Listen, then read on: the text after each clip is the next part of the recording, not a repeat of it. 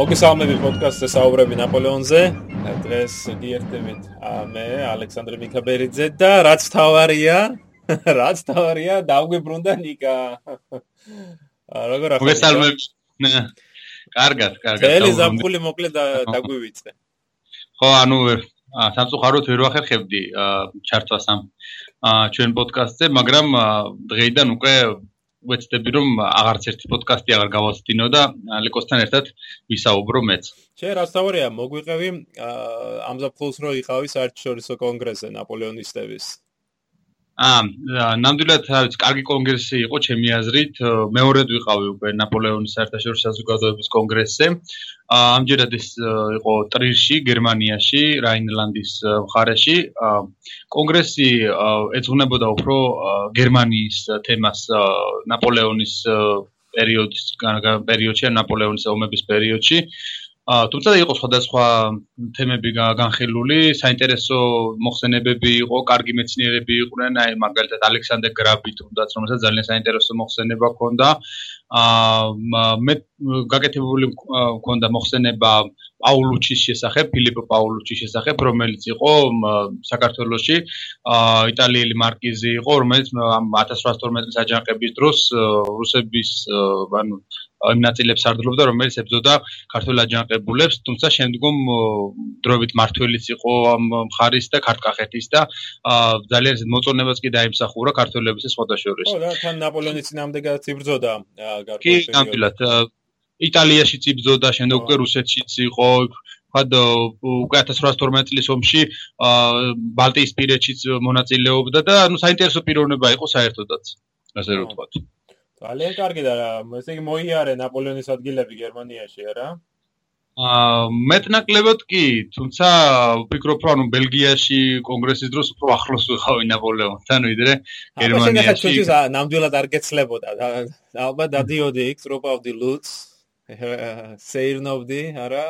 ჩვენ კიდე აქ მუშაობდით. აა მაგრამ ეხლა მე დაუბრუნდი სამუშაო. და მზად ვარ გამოვისყიდო. აა, ნამდვილად, ნამდვილად. ამ, კარგი, დღეს მე მგონი ჩვენ და ვისაუბროთ ამ გადამწყვეტ სამხედრო კამპანიაზე, ხომ? 1800 წლის იტალიურ კამპანიაზე, რომელმაც დიდი როლი შეასრულა ნაპოლეონის ცხოვრებაში და რაც არის აი იმ მის ძალო ძალოუფლების განმტკიცებაში, ხომ? კი, ნამდვილად და თანაც საერთოდაც ეს მარენგოს ბრძოლა, რომელიც ამ კამპანიის ესეთი ესეთი თავარი ის არის მომენტია ნაპოლეონის სამხედრო კარიერაში ალბათ ერთ-ერთი ყველაზე ესეთი გამორჩეული მონაკვეთია. ნამდვილად, შეუდგეთ აბა საქმეს. როგორც ვიცით, საფრანგეთის მას შემდეგ რაც ნაპოლეონი 18 ბრიუმერის გაატრიალების შემდეგ ნენელა დაეუფლა ძალაუფლება საფრანგეთში და გახდა ეს პირველი კონსული.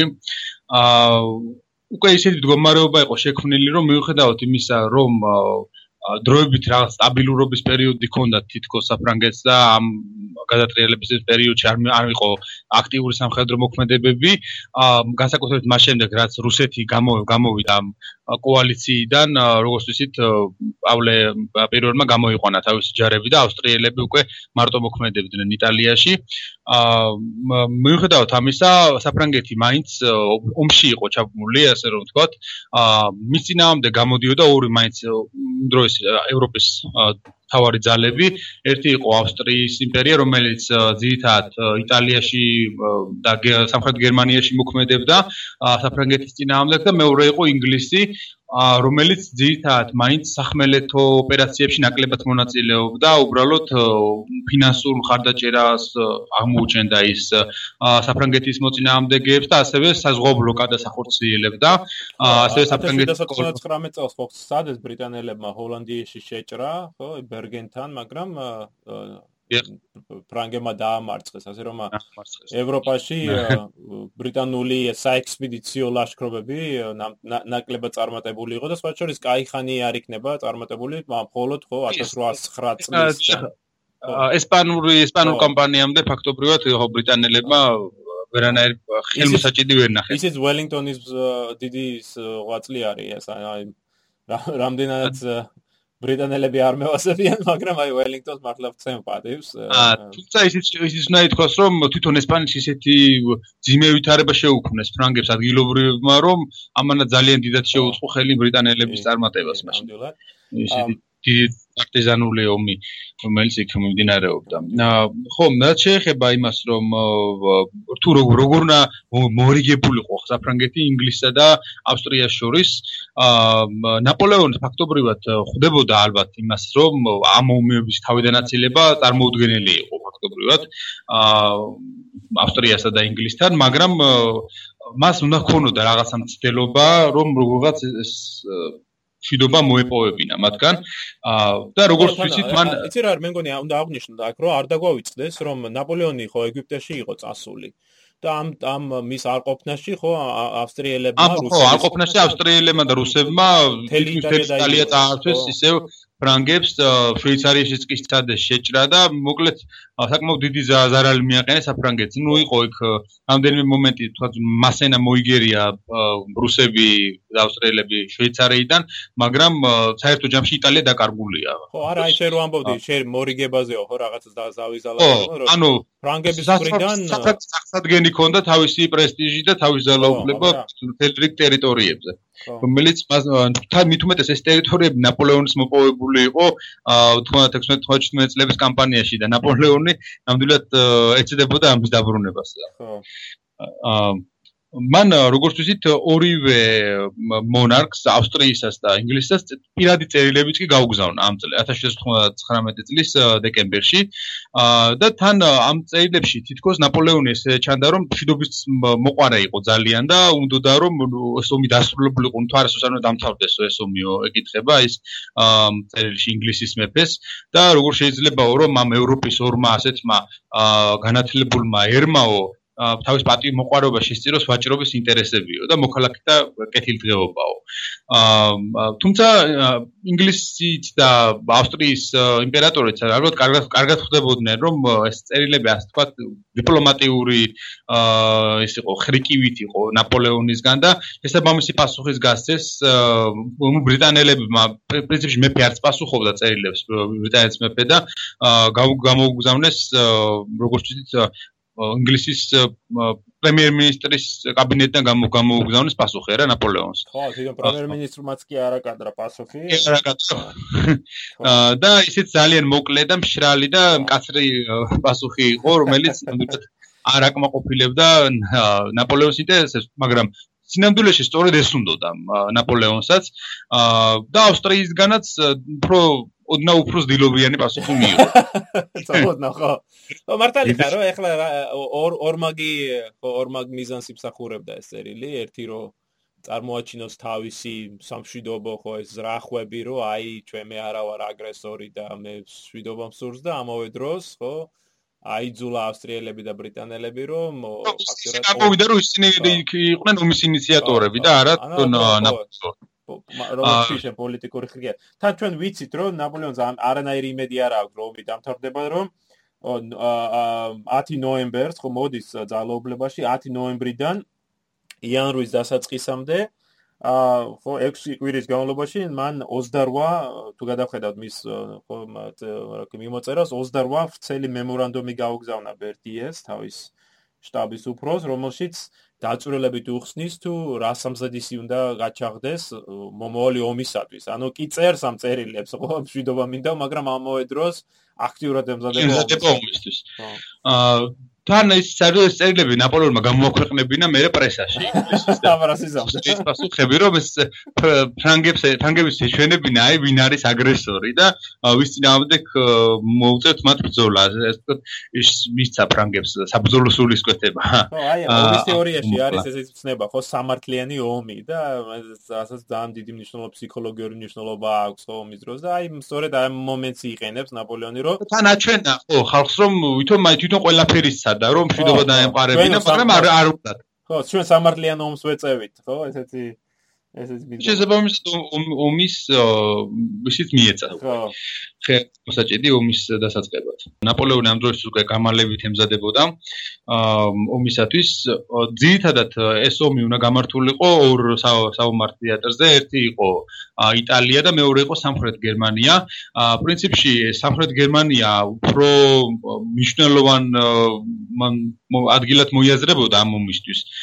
და თავდაპირველად როგორც ვთქვით, ნაპოლეონიც უფრო ამაზე იღებდა აქცენტს ამ თავის გეგმა უფრო მართული იყო სამხრეთ გერმანიისკენ, მაგრამ მე შე გამოვიდა ამის შემდეგ რომ უფრო სამხრეთის მართულებაზე იტალია იტალია უფრო ნაპოლეონისთვის მნიშვნელოვანი გამოდგა და მოუწია და ამას რამდენიმე მიზეზი აქვს. თუნდაც ერთ-ერთი ის არის რომ ნაპოლეონსა და მოროშორის ურთიერთობაზეც ალბათ უნდა ითქვას რამაც რაღაც რაღაცები შეცვალა. რა ხო ამ მოროს ცალკე ჩვენ დავუთმო პოდკასტს იმიტომ რომ ძალიან საინტერესო პიროვნებაა და ყველა ერთ-ერთი ყველაზე წარმატებული გენერალი და რომ არა ნაპოლეონი ალბათ მორო მოვიდო და ძალაუფლებაში საფრანგეთში იყო ამის ძალიან ისეთი სხვანაირი ხასიათის კაცი იყო თითქოს უფრო ნაპოლეონისგან განსხვავებით. ნაპოლეონი უფრო მეტად აქტიური და ამბიციური და რაღაც ისეთი ენერგიული კაცი იყო და მორო უფრო რაღაც სხვანაირად მოქმედებდა. ძალიან განსხვავებული ამბიცია, ამბიცია კი აწუხებდა, მაგრამ ნაკლებად ენერგია და ნიჭი აკდა სამაგისო. მაგრამ კარგი ხეთური ნამდვილად იყო ხა ეს შეიძლება. კი, ნამდვილად. მაგრამ შეიძლება შენ აღნიშნე აი ხო გეგმები მომზადება და ასე შემდეგ. ნაპოლეონს სერიოზულად ნამდვილად არ უფიქრია გერმანიაში წასვლაზე, იმიტომ რომ არ იცნობდა თეატრს, ხო, სამხედრო თეატრს.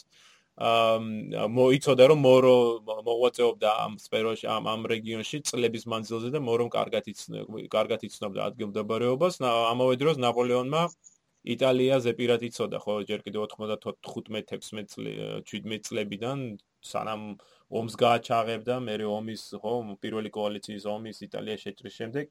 აა ასე რომ თავიდანვე იყო მისი გეგმა რომ შეჭრილიყო იტალიაში მაგრამ გასაკითხი იყო როგორ? ხო საკითხი იყო როგორ?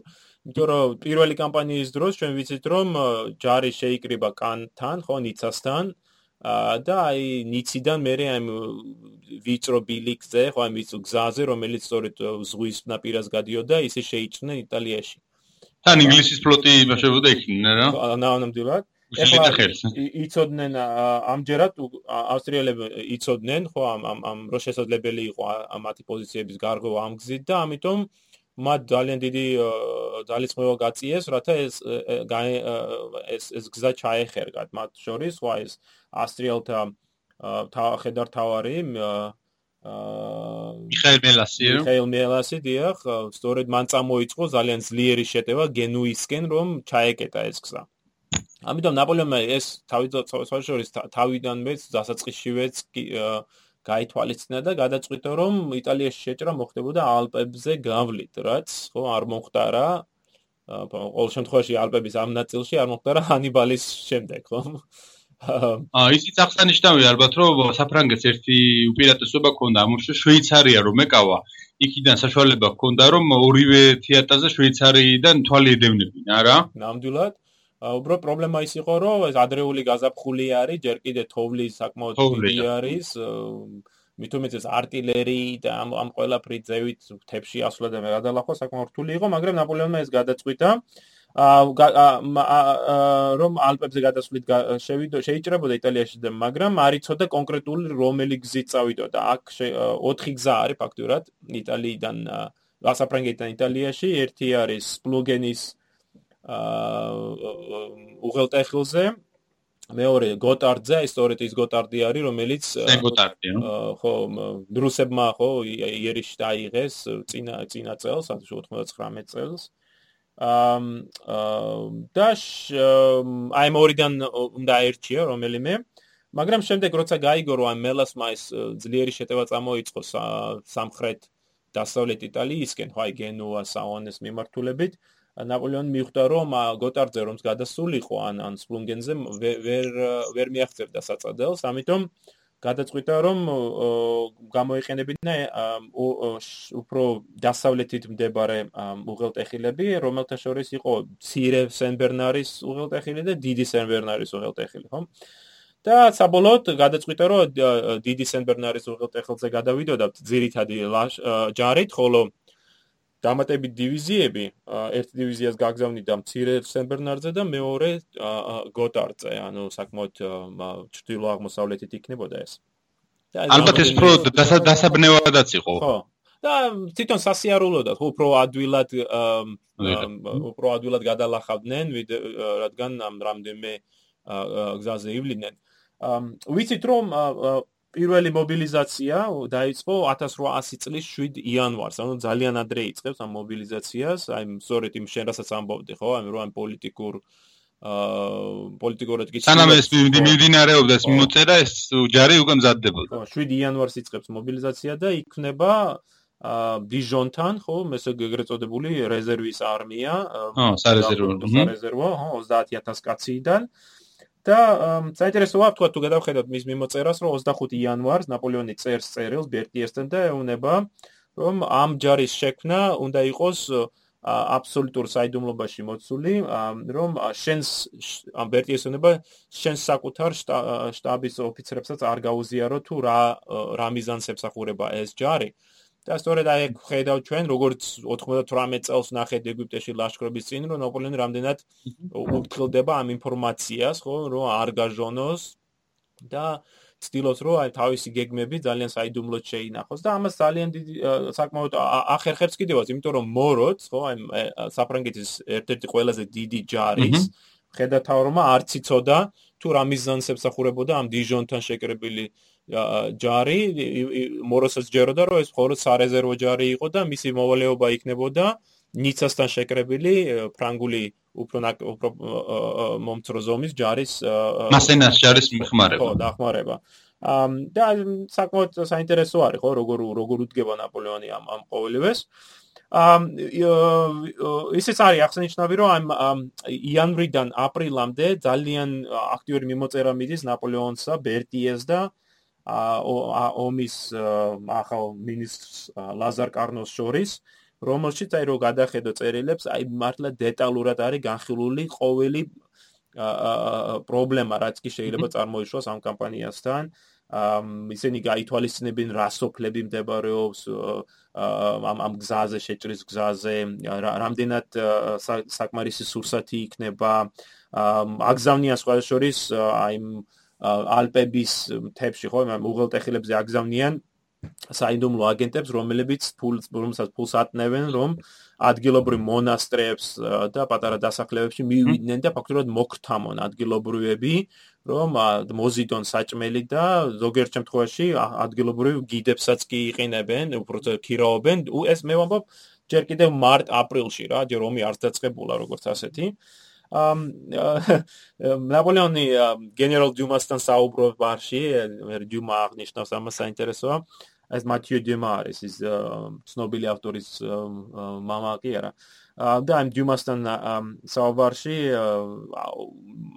აღნიშ რა ქვია განიხილა რა ეს ამ ამ კამპანიის გეგმა და დიუმა რაღაც და ეჭობდა რა რომ აი ამ ხელა ჯარის ალპებში ასვლა მერე დაშვება რომ რაღაც პრობლემა იქნება ალბათ ვერ შევძლებთ ერთ მომენტში დიუმა ამას ამბობს და ნაპოლეონი პასუხობს საკმაოდ ეს ცნობილი საინტერესო პასუხია რომ სადაც კი ორ ადამიანს შეუულია ფეხის დადგმა იქ თელ ჯარსაც შეუულია გავლაო რომ ანუ ამ ალპების გადალახოს ისინი შეძლებენ ძირითადი პრობლემა ნაპოლეონისთვის რა იყო? ეს იყო აი артиლერიის გადატანა ამ ალპებზე ჰანიბალის და სპილოების არ იყოს რა.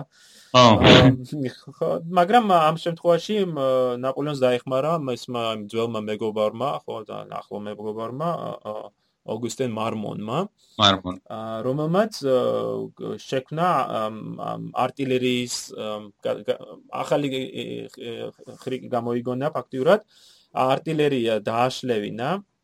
და აი არტილ ეს ქვემეხების ლულა თუ რა როგორ თვითონ ქვემეხი რა ხო ლულა.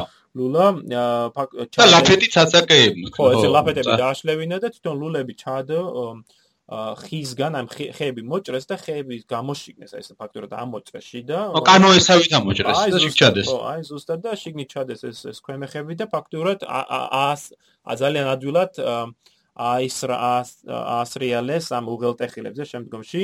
დაახლოებით 100 კაცი იყო საჭირო თითოეულ ქვემეხზე და თუ გადავხედავ თვითონ მიმოწერას დასგანცურებულ მორმონის მხრიდან ძირითადი პრობლემა ის კი არისო რომ აი ზევით აეტანად როგორც აღმოჩნდა ძირითადი პრობლემა იყო დაშვებისას.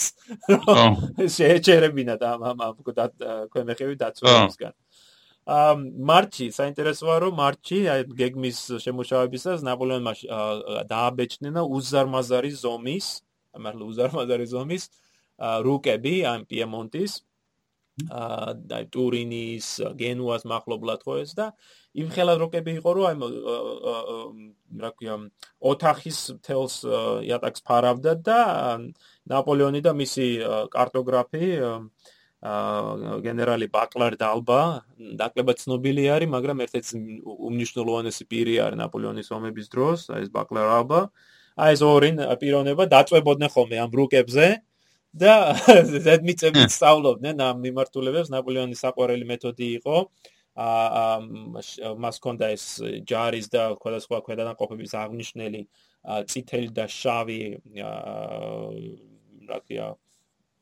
აა როგორ ნემსებივით იყო რა დროშებიან ნემსებივით იყო და აი ამათ იყინებდა რომ ჩაერჯო ესე სხვა სხვა ადგილზე და დახოხავდა ფაქტურად ამ ამ ამ რუკაზე და ბაკლარაობა შემდეგში იგონებდა რომ არაერთხელ თავებით ეჯახებოდნენ ერთმანეთს ამ მოხიალში ამ ისე საინტერესო რომ აი ბურიენი ლუი ბურიენი რომელიც ნაპოლეონის მდივანი იყო ამ დროს ის შემდგომში იხსენებს რომ ერთ დღეს შეესწრო აი ამ ამ განხილვას და ნაპოლეონი მეუბრუნდა ბურიენს და აჩვენა ამ რუკას და უთხრა აბა მაჩვენეო შენი აზრით სად იქნება გადამწყვეტი ბრძოლაო?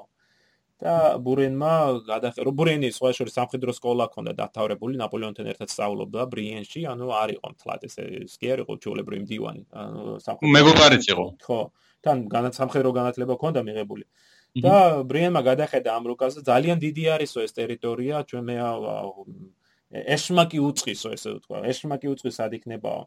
და ნაპოლეონმა გახედა მას და აი შესულელო ესე უპასუხა.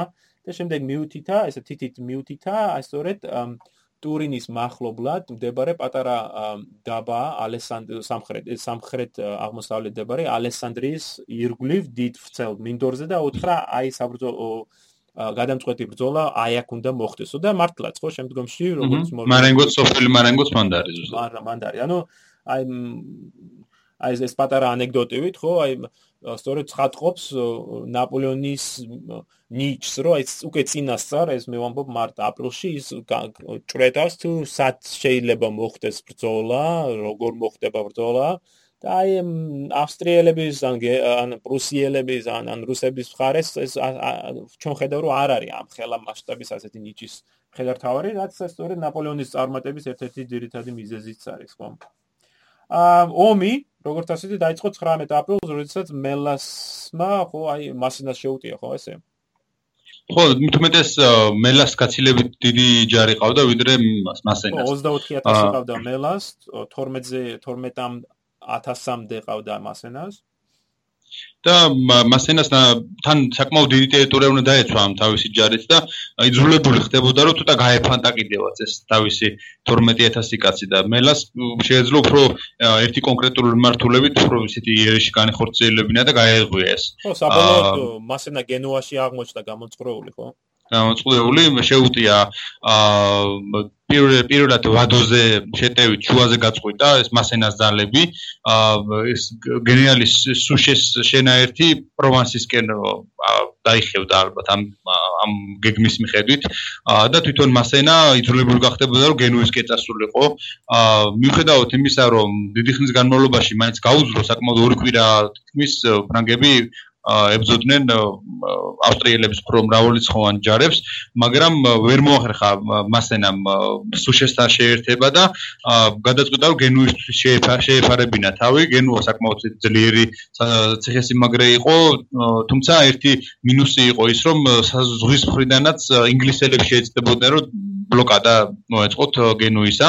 აა ასე რომ როდესაც მასენა შეიკეტა გენუის ქალაქ გენუაში პრინციპში ორივე მხრიდან ალყაში აღმოჩნდა ის ხმელეთიდან ავსტრიელების ალყაში, ხოლო ზღვიდან ინგლისელებისა და პრინციპში მასენას მოქცევა გენუა გენუაში გენუაში საკმაოდ დიდი ხანი შეაჩერა ეს ავსტრიელების მოქმედება იტალიაში და ერთ ადგილზე ისინი ძულებულები გახდნენ რომ დარჩენილიყვნენ და ალყა ეწარმოებინათ ამ ქალაქისა და თითქმის ეს მთელი ავსტრიული ავსტრიელი ჯარი ავსტრიული ჯარი გაიყინა ამ გენუას და ნაპოლეონს საშუალება მისცა რომ უფრო მარტივად გადმოსულიყო და თავისუფლად ემოქმედა იტალიის იმ ნაწილში სადაც გეგმავდა. აი კიდევ ერთხელ ხო განსხვავება ავსტრიელებსა და ფრანგებს შორის აი ხედავთ რომ ავსტრიელები ჯერ კიდევ მაინც მე-18 საუკუნის ეს პოზიციურ ეგრეთვე პოზიციურ სამხედრო ხო ხო ანუ გენერალური ბრძოლისკენ სტრაფ როგორც ნაპოლეონს ქონდა რომ თავარის არმიის განადგურება იყო ესენი უფრო პოზიციების დაჭერას ცდილობენ და ფიქრობენ რომ გენუის გენუის აღება რაღაც აუცილებლობას წარმოადგენს ამ შემთხვევაში და ეს თითქმის მთელი ჯარი გააჩერეს ამ ერთ ადგილზე და ნაპოლეონს საშუალება მისცეს რომ რაც უნდა გაეკეთებინა იტალიაში ამ დროს. თან ნაპოლეონი იყენებს ამას წერს მასენას რომ გაუძელ გაუძელ გაუძელ სამწუხაროდ მასენა და მისი ჯარისკაცები მართლაც რომ აი გაჭირვება ამას არ ქვია ბოლოსკენ უკვე ივნისისკენ ხო ისინი ამათ არანაირი სურსათი არ აქვს და ნახერხს ჭამენ რომ რომ რამენაირად გადარჩნენ და მაინც იბრძვიან, ხო? და ივნისამდე შეძლებენ სწორედ ამ ბრძოლას და ეს ეს პერიოდი, როდესაც რამოდენიმე კვირის განმავლობაში მასენამ შეძლო ამ მელასის შეჩერება, გადამწყვეტი არის ნაპოლეონისათვის. ნაპოლეონი ამ დროს პარიზში არის, როცა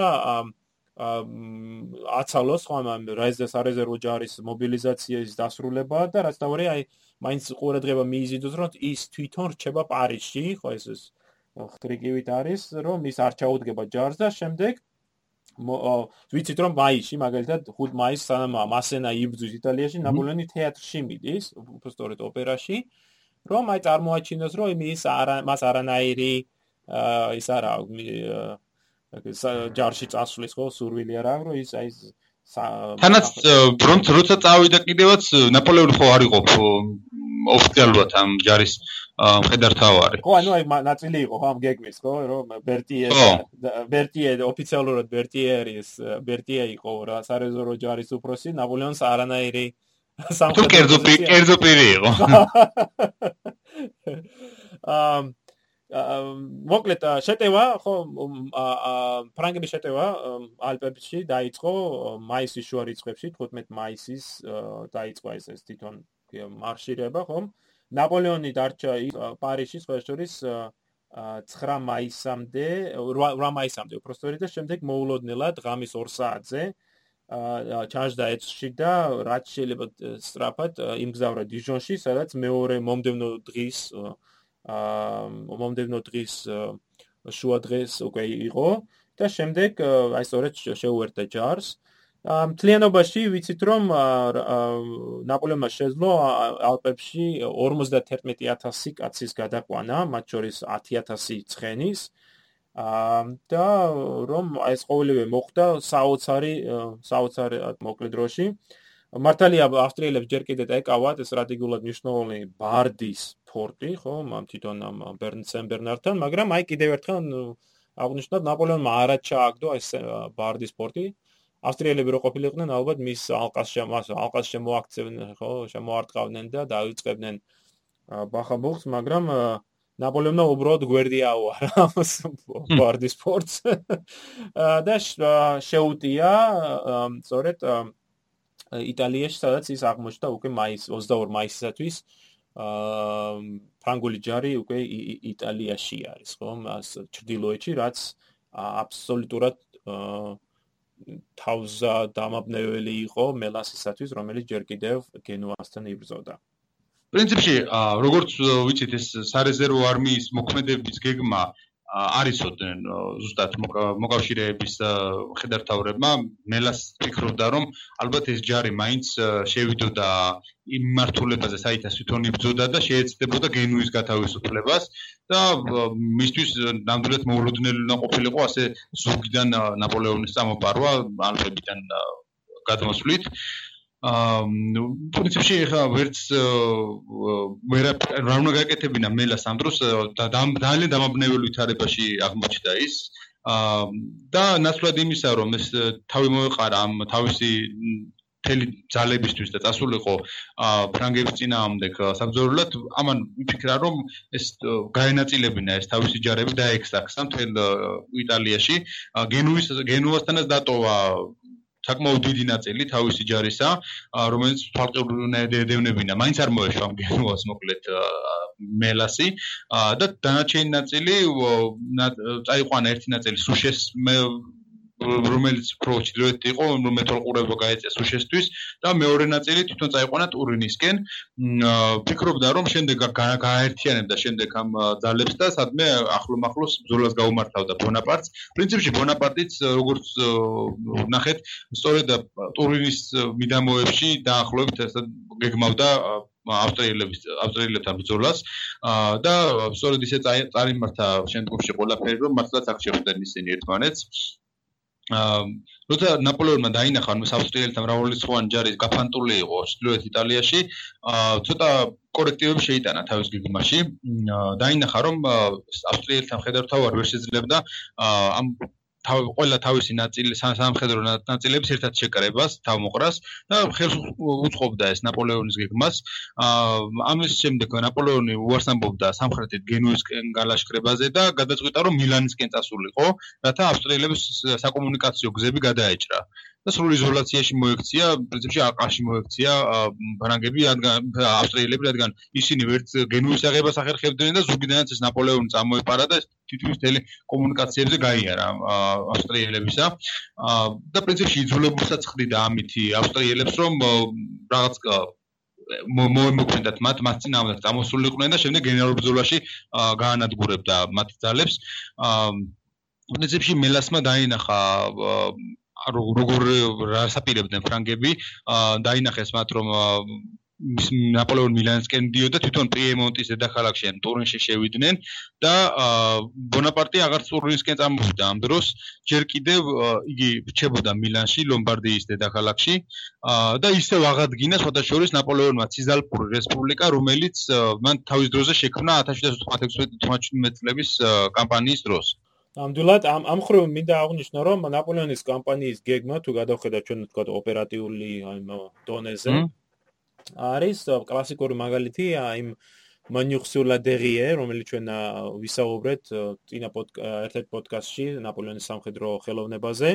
აა სწორედ აი კლასიკური მაგალითი არის ჩვენ ხედავთ აქ ნაპოლეონის ცდელობას რომ გამოიყენოს მასენას ჯარი გენუაში, რათა აი მიიქციოს ხო მოწინააღმდეგის ყურადღება, მას ხოლო ამავე დროს საფლანკო მანევრით გაანადგურებდა აა სრულებით გაანადგურებდა მოწინააღმდეგეს და აი მილანში ჩასვლა და აი მილანის გაკონტროლება სწორედ ამას ემსახურებოდა, შენ როგორც აღნიშნე, საკომუნიკაციო გზების გადაჭრა, უკან დახევის ხო აღკვეთა და ფაქტურად მიზანი, ნაპოლეონის მიზანი იყო ერთი დარტყმის იტალიური ავსტრიული ჯარის ცლიანად განადგურება. აა მაგრამ აქ პრობლემა შეექმნა კერძოდ რომ 4 ივნის ხომ 1800 წლის 4 ივნის მასენა იძულებული იყო დანედებული იყო და ჩაებარებინა გენუა. ო პრინციპში მეტი გზა აღარც ქონდა უკვე. აბსოლუტურად, ნამდვილად, იმიტომ რომ ამ დროისათვის აი თუ რომ სვენელს გავაცნო ამ დროისათვის ამ ქალაქში 160000 კაცი ცხოვრობდა დაახლოებით გენუაში. 35000 კაცი მოკვდა შიმშილისგან თვითონ გენუ თვითონ მასენას ჯარიდან რომელიც დაახლოებით 12000-მდე იყო 4000-ზე მეტი ჯარისკაცი მოკვდა შიმშილისგან, ხოლო კიდევ ერთი 4000 იმდენად სუსტი იყო, რომ სამონტყოფაში იყო მოთავსებული, ანუ ფაქტურად 2/3 ჯარის არ ყავდა მასენას. თვითონ მასენაც ძალიან დასუსტებული იყო საჭმელი არც ქონდა საჭმელი და აი მართლაც ფეხზე ძლივს იდგა. და სხვა შორის ნასინამ არასოდეს აპატია ნაპოლეონს ის რომ აი ეს გაწირა ნაპოლეონმა ეს ეს გარნიზონი და ცხოვრების ბოლომდე მათ შორის ამ ერთ-ერთი მათ შორის არსებული დაძაბულობის ერთ-ერთი მიზანი მიზეზი სწორედ გენუის ამბები იყო. ამავე დროს ნაპოლეონმა არაპატია მასენას ის გარემოება რომ მან ასე ადრე ჩააბარა გენუა. ყოველ შემთხვევაში ნაპოლეონის აზრით ადრე. მან წერილებში არაერთხელ კიცხავდა მასენას შემდგომში და უნებოდა რომ შენ კიდევ 10 დღე უნდა დაგეცვა გენუა, სუმცირე 10 დღეო. და აი მასენა რო უნებოდა რომ საჭმელი არ მქონდა და რა მექნა ნაპოლეონი პასუხობდა რომ აი მოსახლეობისგან ხო გენუის მოსახლეობისგან უნდა გიყო საჭმელი და ერთ-ერთი ცნობილი წერილი არის რომელშიც ის წერს წერილი კი არ არის შემდგომში უკვე წმინდა ელენეს კუნძულზე აღნიშნავს ამას რომ მე რა რომ რამოდენმე ხანში შესული კაცი ან ხალი მოკვდებოდა შიმშილისგან შენ მასენა მაინც ამის ფასად მასენა გენუას დაიცავდა და როცა სმენელ მოსაუბრე ხო მე მგონი გურგო იყო მაშინ. გურგომ დაუწყო აი ადამიანობაზე და ჰუმანურობაზე საუბარი. ნაპოლეონმა კვაცროდ გააწყვეტინა და უთხრა ჰუმანურობაზე არ უნდა თუ ჰუმანურობაზე გინდა საუბარი მაშინ ომში არ უნდა ჩაება.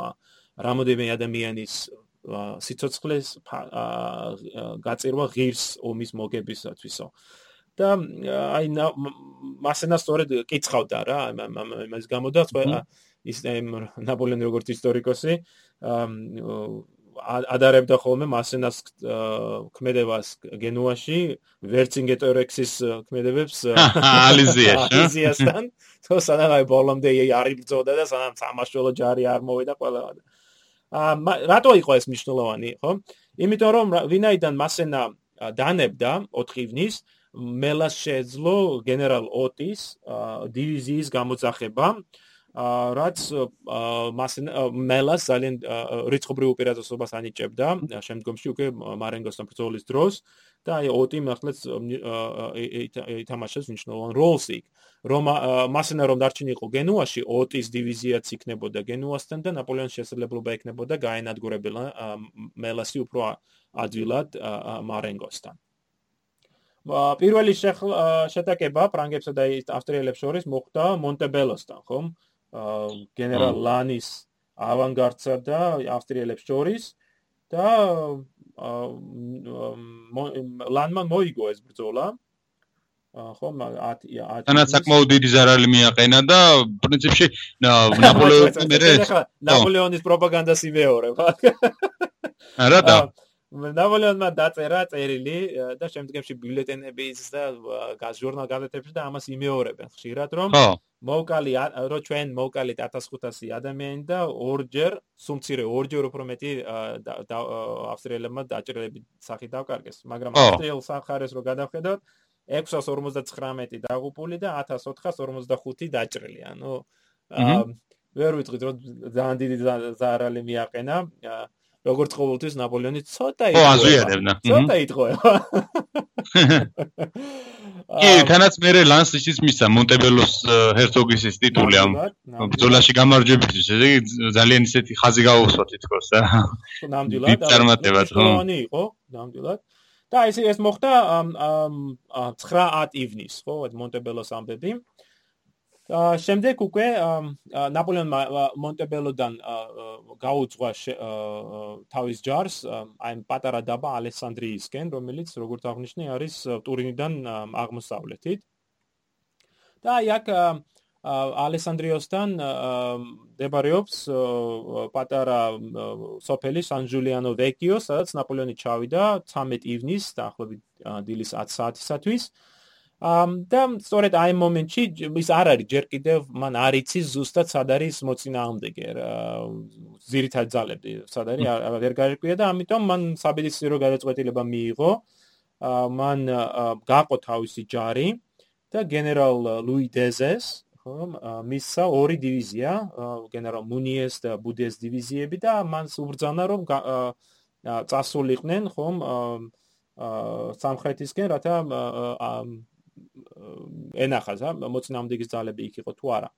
ნაპოლეონისათვის აი უცნობი იყო ეს რა თქმა უნდა რომ სინამდვილეში ავსტრიელთა ჯარები უკვე თავმოყრილი იყო ძირითადად ჯარები თავმოყრილი იყო ალესანდრიასთან და აი იმ მომენტში როდესაც ნაპოლეონი თავის ჯარს ყოფდა სწორედ მელასი ემზადებოდა გადამწყვეტი შეტევისათვის. რომელიც დაიწყო სწორედ 14 ივნის აა დილით. მელასმა გადაწყვიტა რომ 14-ში დილით დინარე ბორმიდა გადაელახა, რომელიც მის წინ იყო, ანუ კვეთი და საფრანგულ და ავსტრიულ ჯარს ერთმანეთისგან აცილებდა და სამი კოლონით და შეეტია მთავარი ობიექტი იყო სან-ჯულიანო სადაც როგორც თქვით ნაპოლეონი მივიდა. მასკენ წავიდა ცენტრალური კოლონა დანარჩენი ორი კი უფრო ფლანგებზე იმოქმედებდა და ეცდებოდა რომ მოწინააღმდეგისთვის გარშემოევლო იმიტომ რომ ამ დროისთვის პრინციპში ნაპოლეონმა ისე დაფანტა ეს თავის ჯარები და ეს დეზეს კორპუსიც რომ საერთოდ გაუშვა.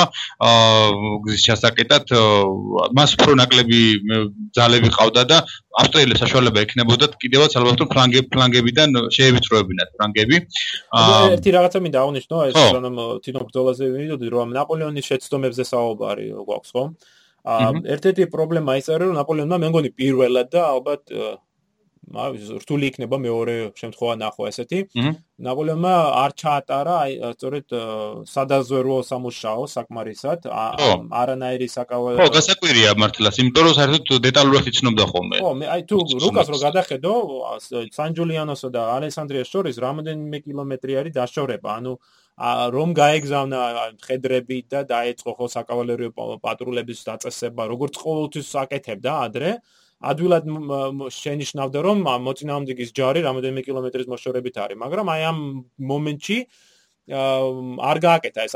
მაინც გაურკვეველია ეს თვითდაჯერებულობის მომენტია და აღლილობის თუ მაინც ზუსტად ჩვენ ზუსტი პასუხი ჩვენ არ აგვაქვს სადღეისოდ მაგრამ რეალობა არის რომ მას არ აქვს არანაირი ინფორმაცია იმაზე რომ აი მოწინააღმდეგის მთელი ჯარი დაახლოებით 31000 კაცი არის თავმოყრილი მისგან რამდენიმე კილომეტრი მაშინ როდესაც თვითონ ნაპოლეონს აი ლუი დეზეს გაგზავნის შემდეგ მხოლოდ 24000-მდე კაცი ყავს ანუ რიცხობრივად უფრო ნაკლები ჯარი. და აი როდესაც ავსტრიელებმა წამოიწყეს შეტევა ხო 14 ივნისის დილით ადრე მისთვის ეს ეს აბსოლუტური სურპრიზი გამოდგა ხო? აა ხო ამიტომაც პრინციპში ფრანგებს თავდასვითი ბრძოლის წარმოება მოუხდათ. აა და ის პრობლემაც იყო რომ ეს მარენგოს ველი თლად არ იძლეოდა საშუალებას რომ კარგი თავდაცვა მოეწყოთ ფრანგებს თავდაცვითი ხაზები, იმიტომ რომ ძალიან ცეთი სწორი ადგილია და კავალერიის მოქმედებისთვისაც კომფორტულია და არტილერიისთვის. ხო, 8 წლი მოწინააღმდეგეს, რო გადავიდეს ბორმიდას მდინარეზე, ხო, შეგელო თქვა, სადაც თავდაცვითის ხაზი აგეღო, ამ მდინარეზე. კი, მდინარეზე შეიძლებაოდა და გაცილებით გაურთულებდა საქმეს. მა თუ მისცა საშუალება ფაქტიურად ამ უკუღორა უკუღორადღებით, რომ გადაელახა მდინარე და მდინარეზე რო გადახვიდოდი, მე ფაქტიურად შე როგორც თქვი, აი არაფერი არ არის, ისეთი რომ შეაკავოს მოწინააღმდეგო. ხო, ვერ გამაგრდა ვერსად. მას შემდეგ ასე განლაგდნენ ფრანგები რომ მაინც ღრმა ის გააკეთეს თავდაცვითი პოზიციები შეძლების დაგვარად პირველი ხას ქმნიდა გენერალი ვიქტორის ნაწილები რომელიც იყო მარენგოდან კასტელ ჩერელიომდე გადაჭიმული. მას უკან დგა გენერალ კელერმანის ხენოსანთა ბრიგადა, რომელიც როცა საჭირო გახდებოდა, ჩაერთვებოდა ბრძოლის იმ ადგილზე, სადაც აუცილებელი იქნებოდა კავალერიის მონაწილეობა. მარენგოდან აღმოსავლეთით იდგა პოჯის მიდამოებში მეორე ეს ეშელონი, რომელსაც მარშა შემდგომში მარშალი მარშალ ლანზე ყოველთვის დამოწდება ხოლმე ეს. გენერალი ლანი მეტაურობდა და მესამე ეშელონს, რომელსაც თვითონ ნაპოლეონი სარდლობდა, იყო სანჯული ჯულიანოსა და პოჯის შორის განლაგებული ბრძოლა დაიწყო დილით ადრე 8 საათზე, გადალახეს ავსტრიელებმა დინარე ბორმიდა და შეუტიეს ფრანგებს და პირველი შეუტიეს სოფელ მარენგოს მათკილს, სადაც გამაგრებულები იყვნენ ფრანგები. აა მაგრამ ავსტრიელებმა შეძლეს ფრანგებთან პრუსად ფრანგებმა თავდაპირველად შეძლეს მარენგოსთან ავსტრიელების უკუგდება, მაგრამ შემდეგ უკვე ავსტრიელებმა დამატებითი ძალებიც გაგზავნეს მარენგოსკენ, დაიკავეს სოფელი. აა და ვიქტორმა ვიქტორი იძულებული გახდა რომ დაეხია უკან და და მეორე ეშელონზე სადაც მარშალი მარშალია გენერალ ლანი იწოდა აა თავისი ორი დივიზიით აა მას შეუერთდა და ავსტრიელებს ერთობლივად ცდილობდნენ ისინი შეეკავებინათ ავსტრიელები. აა ნაპოლეონი ცდილობდა რომ დრო მოეგო ამ ამ თავდაცვითი ბრძოლი ბრძოლით და აა პრინციპში ინარჩუნებდნენ 2 საათის განმავლობაში კიდევაც ფრანგები მეორე თავდაცვით ხაზზე პოზიციებს, მაგრამ ავსტრიელებმა ძლიერი საარტილერიო იერში მიიტანეს და კავალერიაც თანაც ავსტრიელებს საკმაოდ კარგი კავალერია ყავდათ და მრავალი ხოვანი და აა ხელს უწყობდა მათ მოქმედებას და ვიქტორის ნაწილები ფაქტობრივად უკან იხევდნენ ამ დროს ძალიან წესრიგოდ აა და ლანსაც ლანის ცვლებული გახდა რომ გაქცეული. ო ვიქტორის შემდგომში აღნიშნავს კიდევაც რომ რომ ავსტრიელები ლომებივით იბრძოდნენ იმ დღესო და რაც შენ აღნიშნა რომ კავალერია მყავდათ მართლაც ავსტრიელებს ამ ბრძოლაში 5000-ზე მეტი მხედარი ყავთ მაშინ როდესაც ნაპოლეონს ნახევარზე ნაკლები ჰქონდათ და რაც თავია აი ავსტრიელებმა შეძლეს артиლერიის კონცენტრირება მათ 92 92 ქვემეხი აქვს მაშინ როდესაც ნაპოლეონს სულ 15 ჰქონდა აი მან ვერ შეძლო ამ артиლერიის კონცენტრირება, კიდევ ერთი შეცდომა. და ამ ავსტრიულმა артиლერიამ ძალიან დიდი დანაკარგიც მიაყენა ამ ფრანგებს, ვინაიდან ისინი ამ უკან დახევისას ხო ეს კომპაქტურად განწყობილ დიდ მასებად ხო იყვნენ. და სწორედ ავსტრიელებისათვის მეტად ადვილი სამიზნეთ გამოდნენ. და ჩვენ ამას ხედავთ არაერთ ვთქვათ ფრანგი ჯარისკაცის თუ გეოფიცრის დღიურში წერილში თუ მოგონებებში როდესაც ისინი ამბობდნენ რომ აი მართლა საშინელ დღეში ვიყავით ნაპოლეონს თვითონ მოუწია არაერთხელ გასულიყო მოწინავე ხაზში და გაემხნევებინა თავის ჯარისკაცები. აა და რამენაერად შეინარჩუნებინა ხაზი რომ ვინაიდან ავსტრიელები ასეთ გამანადგურებულ ცეცხლს უხსნიდნენ. 2 საათისათვის 2 საათისათვის ავსტრიელებმა მიაღწიეს პირველ მიზანს და გახლიჩეს ნაპოლეონის პოზიცია და ხელთიგდეს დაბა მარენგო თვითონ დაბა მარენგო რომელიც აი ფრანგების ცენტრალურ ცენტრში მდებარეობდა და უკვე აქედან მელასი აპირებდა ხომ საფლანკო მანევრების გაკეთება, აი რო გახლიჩავდა ცენტრი, რო გახლიჩა ხა უკვე ცენტრი, გასულიყო და შემდეგ ფლანგებზე მოტრიალდებოდა, რისაც ნაპოლეონის არი ჯარი საბოლოოდ განადგურდებოდა კიდევაც. აა სწორე ჩვენ შეგვიძლია ვთქვათ, რომ აა დღის მეორე ნახევრისათვის, ხო, დაახლოებით 3 საათისათვის ბრძოლა წაგებული არის. ამ დროისათვის ნაპოლეონმა უკვე თავისი რეზერვები შეიყვანა ჯარ ბრძოლაში. საკონსულო გვარდიის ნაწილები რა. დილა საკონსულო გვარდია, ლანი, კელერმანის კავალერია, ყველაფერი აქვს ჩართული და მაინც ვერ შეძლო აა მოწინააღმდეგე შეჩერება და იძულებულია უკან დაიხიოს. და აი სწორედ ამ დროს, ხომ დაახლოებით 3 საათისათვის აა როდესაც ავსტრიელთა კავალერია უკვე იწყებს აა დევნას ხო ფრანგებს დევნას და იმ პლანკი საფლანგო მანევრის გაკეთებას ნაპოლეონის აბედის წეროთ ხო მართლაც აბედნიეროდ ნაპოლეონისათვის გამოჩნდა ეს დამხმარე ჯალა. ანდროს თავდაპირველად დეზეს ერთი მეწინავე დივიზია შემოვიდა ბრძოლის ველზე, რომელიც ნაპოლეონმა ლანის დასახმარებლად გაგზავნა, რადგან კატასტროფულ მდგომარეობაში იყო ამ დროს ლანის ნაწილები. თუმცა ეს ჯერ კიდევ არ იყო ის ძალა, რომ ბრძოლა შემოეტრიალებინა. თუმცა მეორე ეშელონის დაკავებულ ახალ პოზიციებს პოზიციებს კი გააძლიერებდა მაინც ეს დამატებითი ძალები და ლანმა შეძლო რომ დროებით კიდევ გამკლავებოდა მოწინააღმდეგეს და აი ამ დროისთვის უკვე ნენელა შემოდის დეზეს ძირითადი ძალები.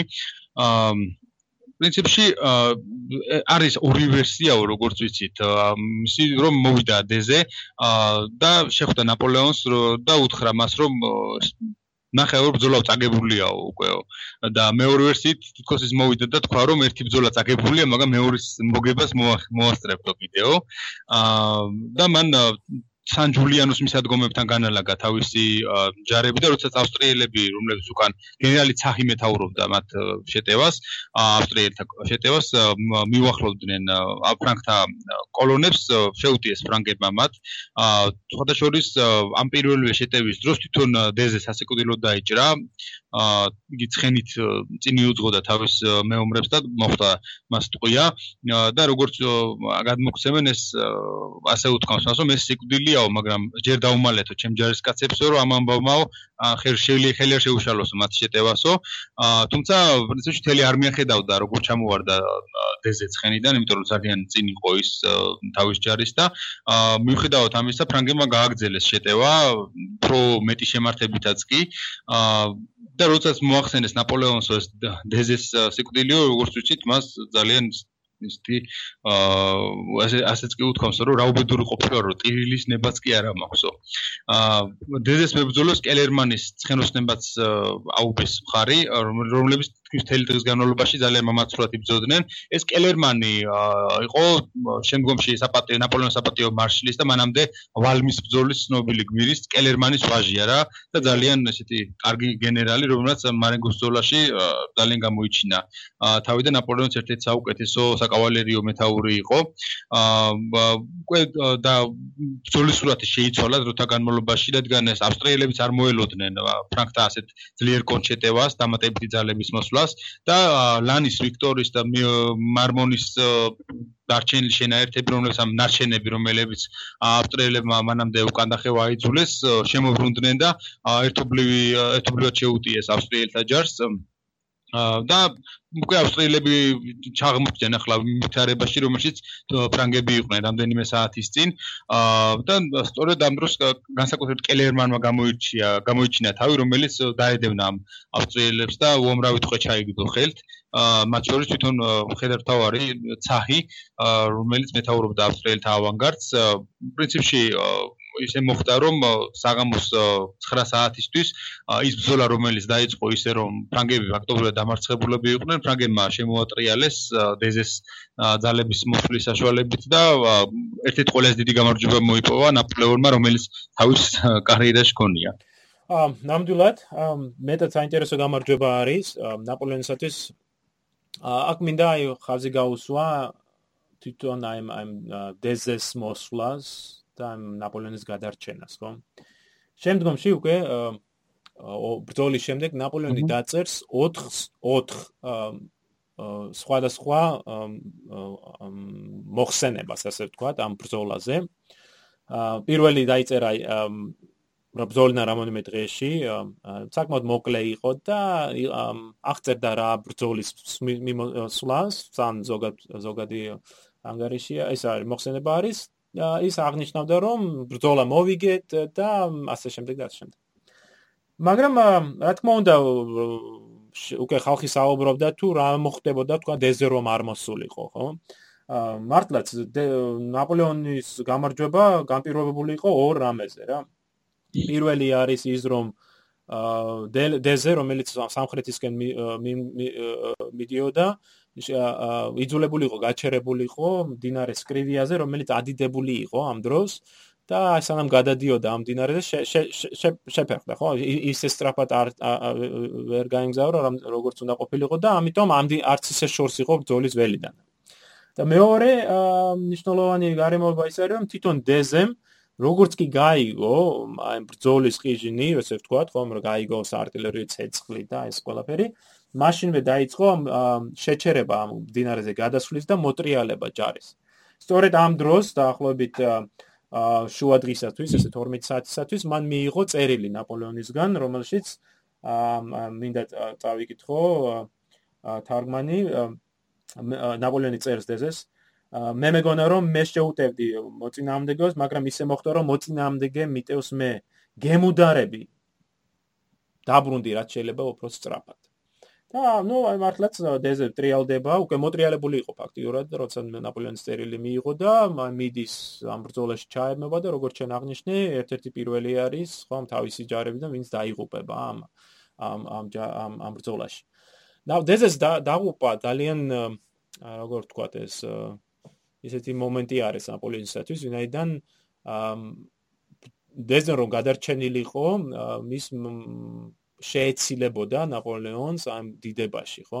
ამ ბრძოლის მოგების დიდებაში, ღმერთმა სამართლიანადაც. ხო, სამართლე, სამართლე. ღმერთმა იცის როგორ დატრიალდებოდა მართი ურთიერთობა, ჩვენ ვიცით მაგალითად მოროს და ნაპოლეონის ურთიერთობა როგორ ხო განვითარდა შემდგომში.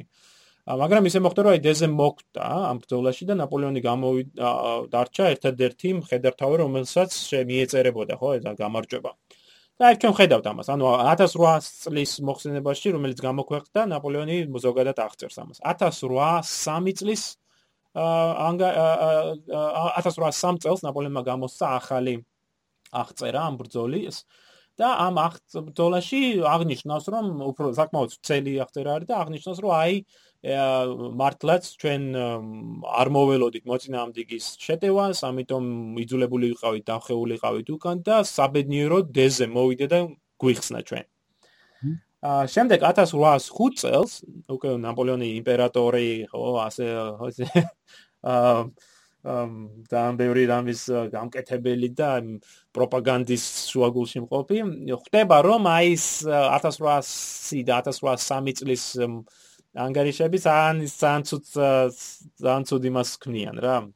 შეხედულებას რომ აი ფაქტურად მარენგოს ბრძოლას აგებდა და სხვის სხვამ უშველა ხო?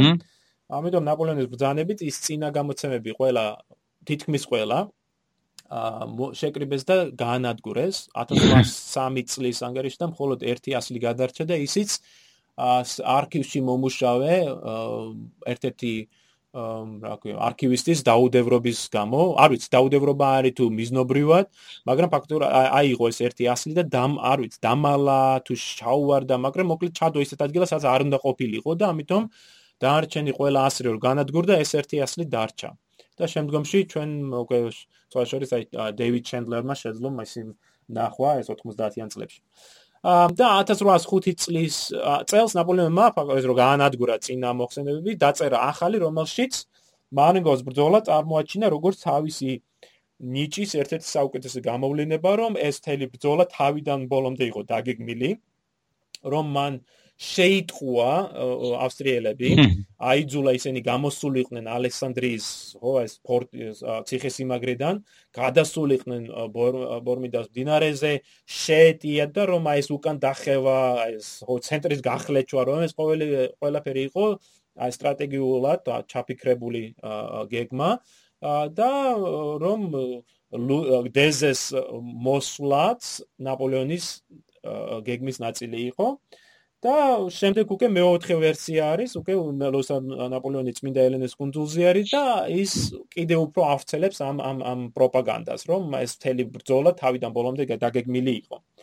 ამ და სხვა შორის ძალიან დიდი ხანი აი ეს ეს ნაპოლეონის პროპაგანდა, სწორედ მიიჩნეოდა ამ ოფიციალურ ვერსია და არაერთხელ, მათ შორის საქართველოსიც გამოცემულ წიგნებში ჩვენ ხვდებით აი საუბარს რომ აი მარენგოს ბრძოლა როგორც ნაპოლეონის ხო ერთ-ერთი წინვალი გამარჯვებას მაგრამ ის ერთ-ერთი ერთ-ერთი ყველაზე უარესი ბრძოლა რაც კი ნაპოლეონმა იბრძოლა აა თვითონ კამპანია კარგად ქონდა ჩაფიქრებული, მაგრამ აი მარენგოსთან რაღაც ძალიან მიაფუჩე შესავე თითქოს ზულა რა.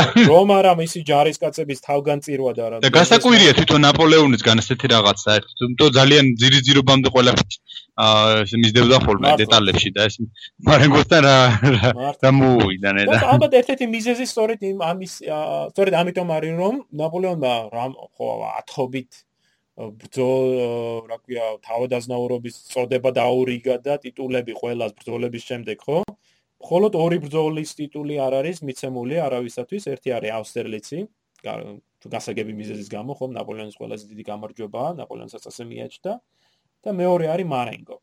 და მარენგო ალბათ აი როგორც აუსტერლიცის მოპირდაპირე მხარე, ხო? აი აუსტერლიცი რამდენად წკინვალე გამარჯვება არის, იმდენად განსხვავებული არის მარენგო და აი მარენგოს წოდება მას გვა მარენგოს თავადი, მარენგოს hercogi ან რამის მსგავსი არავისთვის არ მიუცია და არც არც უფიქრი ამაზე.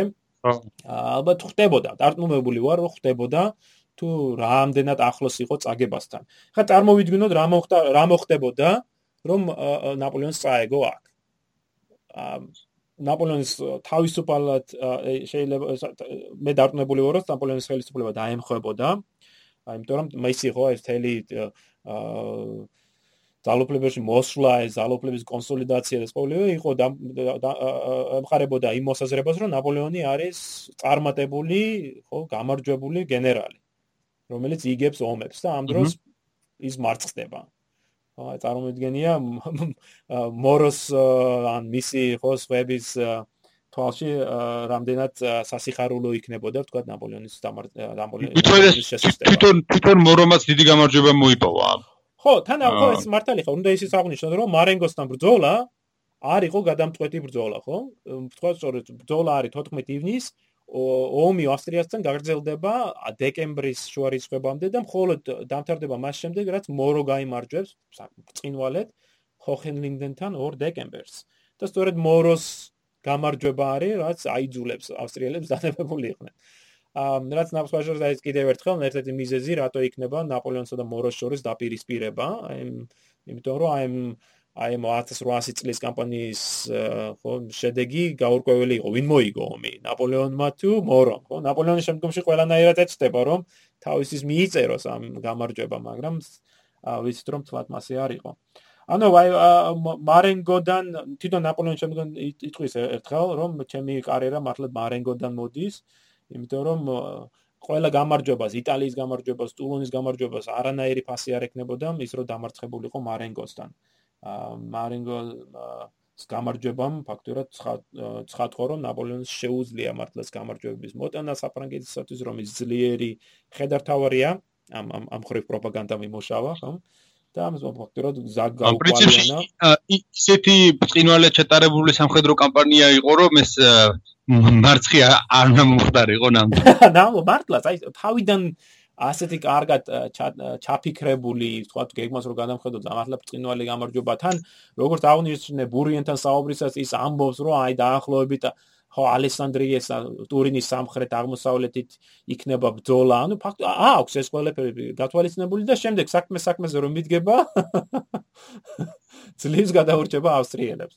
მე მგონი ჩვენ ახსენე ხო რომ მელასმა შიკრიკიც გაგზავნა ვენაში რომ უკვე აცნობებდა ეს ეს დაახლოებით რომ გავიმარჯვეთ რა. რომ ბრძოლა მოვიგეო. დავამარცხე ბონაპარტიო აა იმდენად დარწმუნებული იყო ამ ამ გამარჯვებაში. აა მოკლედ მოდი ერთი მომენტიც აღნიშნოთ ამ ომის დასასრულს. აი მოროს გამარჯვების შემდეგ ავსტრია იძულებულია დაზავება დაზავებას მოაწეროს ხელი და საბოლოოდ ეს დაზავება შედგება ლუნევილში ხო და ამ ლუნევილის ხელშეკრულების მიხედვით ავსტრიელები იძულებულები არიან კლავ დაუთმონ საფრანგეთს უზარმაზარი ტერიტორია რომელიც შედიოდა ჰოლანდია, ბელგია, რაინისპირეთი ხომ აღიარებდნენ ფრანგების ზეგავლენას შვეიცარიაში და რაც ყველაზე მთავარია იძულებულები იყვნენ დაეთმოთ თითქმის მთელი იტალია, ყოველ შემთხვევაში დილო და ცენტრალური იტალია ფრანგებისათვის ან ნაპოლეონმა დაიბრუნა ის ძველი პოზიციები, რომელიც მან დაიკავა 97 წელს. და კიდევ ერთხელ აი ეს დაზავება და ამ ამ კამპანიაში გამარჯვებამ ძალიან დიდი როლი შეასრულა ნაპოლეონის ძალაუფლების კონსოლიდაციაში.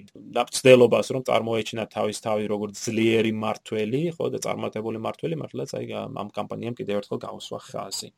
მოდი მორჩე ჩვენ ახლა ამ აქ საუბარს და შემდეგ შემდეგ შემდეგ პოდკასტში რაზე უნდა ვისაუბროთ? აა პრინციპში შვიდობის პერიოდია ერთგვარი არა საფრანგეთში. ხო, აი რამდენიმე წლის განმავლობაში და თუ რა გაკეთდა ამ პერიოდში და თქვა როგორ მოახერხა ნაპოლეონმა ყველაზე დაუძინებელ მოწინააღმდეგესთან ინგლისთან მორიგება.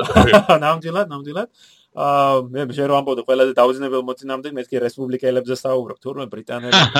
ხო მოდი ბრიტანელებზეც ვისაუბროთ და აი რესპუბლიკელებს რა უქნავ თქვა საფრანგეთში აა კარგეთ აბა შემდეგ შეხვედრამდე შემდეგ შეხვედრამდე